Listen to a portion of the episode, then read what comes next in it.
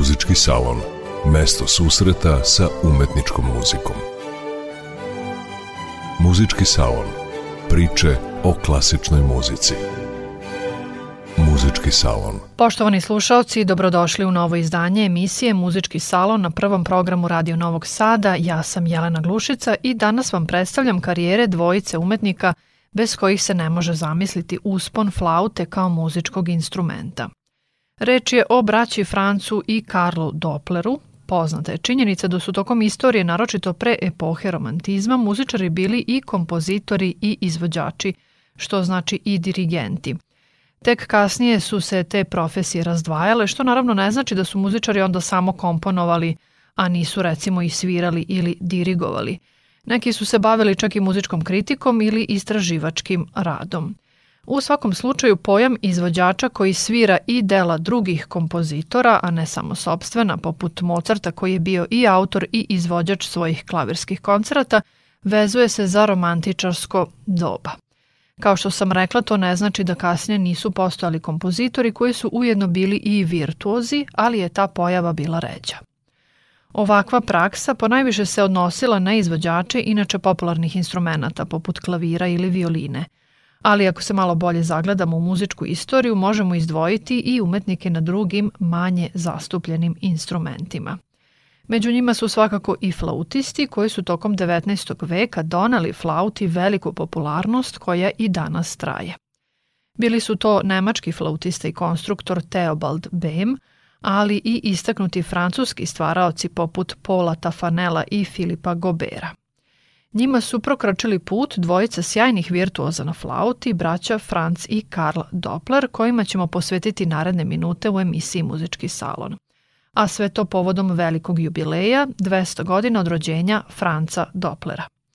Jedna od njegovih najpoznatijih kompozicija i danas veoma popularna među flautistima jeste mađarska pastoralna fantazija iz 1874. godine. Inače, izvorno je bila napisana za dve flaute, što znači da je verovatno nastala za potrebe koncertnih turneja, koje je Franc uspešno preduzimao sa svojim mlađim bratom Karlom.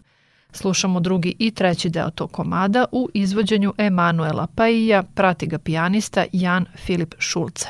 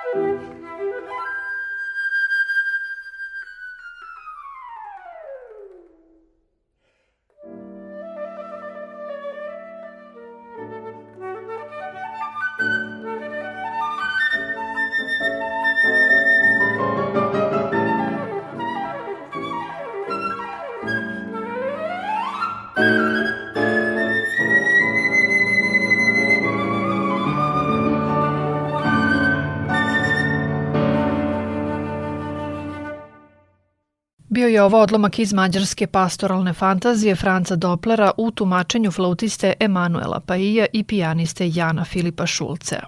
16. oktobra ove godine navršila su se dva veka od rođenja ovog kompozitora, dirigenta, flautiste i pedagoga.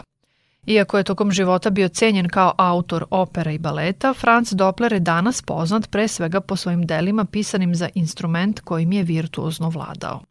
To potvrđuje komad koji smo upravo čuli, jer sasvim sigurno nema profesionalnog flautiste koji ga nije svirao. Iako se većina takvih kompozicija, pisanih za potrebe putujućih virtuoza, što je Doppler i bio, smatraju umetnički manje vrednim, ona nikako nisu nekvalitetna. Naprotiv, posjeduju izvesne kvalitete, pre svega u domenu izvođačke tehnike, ali i prepoznatljive karakteristike vremena u kojem su nastala. Recimo, uočava se uticaj tada popularnih nacionalnih škola koje su se formirale u 19. veku. Naime, mnogi kompozitori pisali su dela inspirisana narodnom muzičkom tradicijom, bila ona zaista izvorna ili pak deo gradskog folklora. Toj skupini autora pripadala su i braća Doppler. U kompoziciji koju smo čuli ne može se sa sigurnošću utvrditi poreklo upotrebljenih mađarskih melodija, osim u finalnom delu gde se čuje poznati paprika čardaš. Osim folklorno inspirisanih komada, izrazito virtuozno koncipiranih, transkripcije i potpuriji na melodije iz poznatih opera bili su takođe omiljeni žanrovi u romantičarsko doba, a nisu im odoleli ni velikani poput Lista ili Glinke. Kompozitori virtuozi najčešće su obrađivali melodije iz Verdijevog Rigoleta i Belinijeve mesečarke – a osim nama poznatih romantičara, nebrojene su takve kompozicije u delima manje znanih umetnika koji su ipak cenjeni u uskim muzičkim krugovima. Upravo u domenu virtuozne salonske muzike, po najviše okrenute klaviru kao tada najpopularnijem instrumentu, pronalazimo nazive dela poput parafraze, fantazije i rapsodije. Jedan od najvećih virtuoza na klaviru, Franz Liszt, pisao je parafraze na teme iz Donizetijevih i Verdijevih opera – a prosečnom ljubitelju muzike najviše ostao upamćen kao kompozitor mađarskih rapsodija. Nekoliko tih dela je za orkestra priredio ni manje ni više nego Franz Doppler. Osim listovih rapsodija, u muzičkoj literaturi postoje i Dvoržakove slovenske rapsodije, Eneskuove rumunske rapsodije, Ravelova španska rapsodija i druge. A kako su se braća Doppler savršeno uklapala u tipičnu sliku romantičarskog umetnika koji i komponuje i svira – Ne čudi što se i u njihovom opusu nalaze slična ostvarenja. Slušamo u nastavku emisije fantaziju na teme iz opere Rigoletto za dve flaute i orkestar koju su braća Franci Karl u verziji sa klavirskom pratnjom zajednički napisala. Sviraju flautisti Patrick Galois i Kazunori Seo.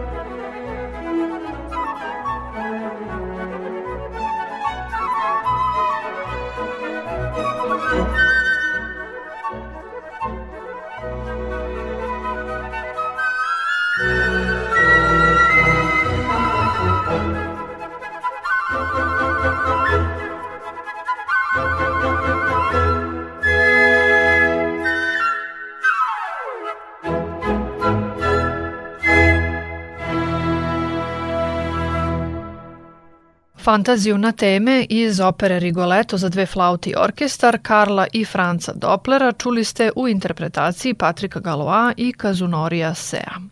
Ako ste ljubitelj opere, sigurno ste prepoznali melodije najpoznatijih arija iz Verdijevog Remek dela.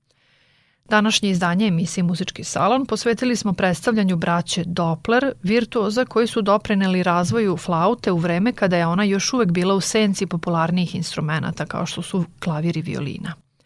Braća Karl i Franz rođeni su u gradu Lembergu, današnjem Lavovu, u nekadašnjoj Galiciji, što je danas na teritoriji Ukrajine. Njihov otac Jozef bio je vojni muzičar, svirao je obou i komponovao. Bio im je prvi učitelj muzike. Franc je veoma brzo napredovao na flauti, pa je prvi put nastupao već u devetoj godini u Varšavi, a nekoliko godina kasnije debitovao je i u Beču. Mlađi brat Karl, rođen 1825. krenuo je stopama svog starijeg brata, pa je takođe počeo da svira flautu, postavši ubrzo virtuoz na tom instrumentu. Nakon što se porodica Doppler preselila u Mađarsku 1838. godine, Franc je postao prvi flautista u Nemačkom gradskom, a potom i u Mađarskom nacionalnom pozorištu. Solističku karijeru braća su započela 1852. godine kao duo, svirajući na nastupima dela koja su zajedno komponovali.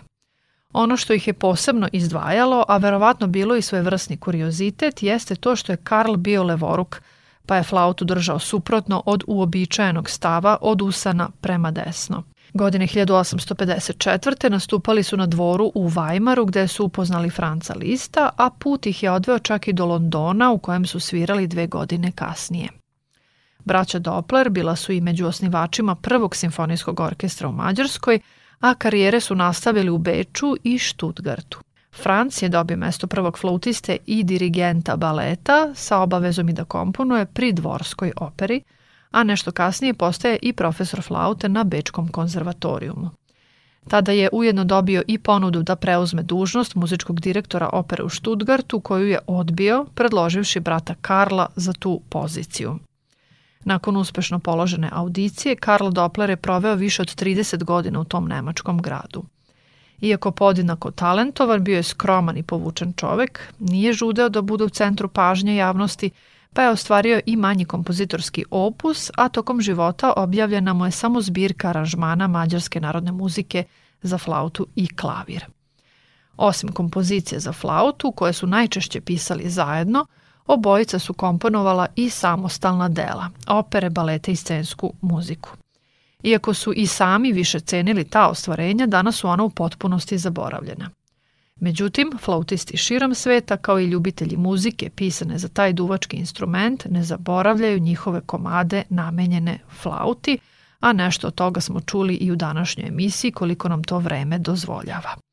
Našu priču o ovim umetnicima, a povodom velikog jubileja, 200. godišnjice od rođenja Franca Doplera, zaokružit ćemo upravo njegovom muzikom – Slušamo treći stav iz koncerta za dve flaute i orkestar u D-molu u izvođenju Patrika Galoa i Kazunorija Sea. Do narednog susreta u emisiji Muzički salon pozdravlja vas autorka Jelena Glušica. Ostanite uz prvi program Radio Novog Sada.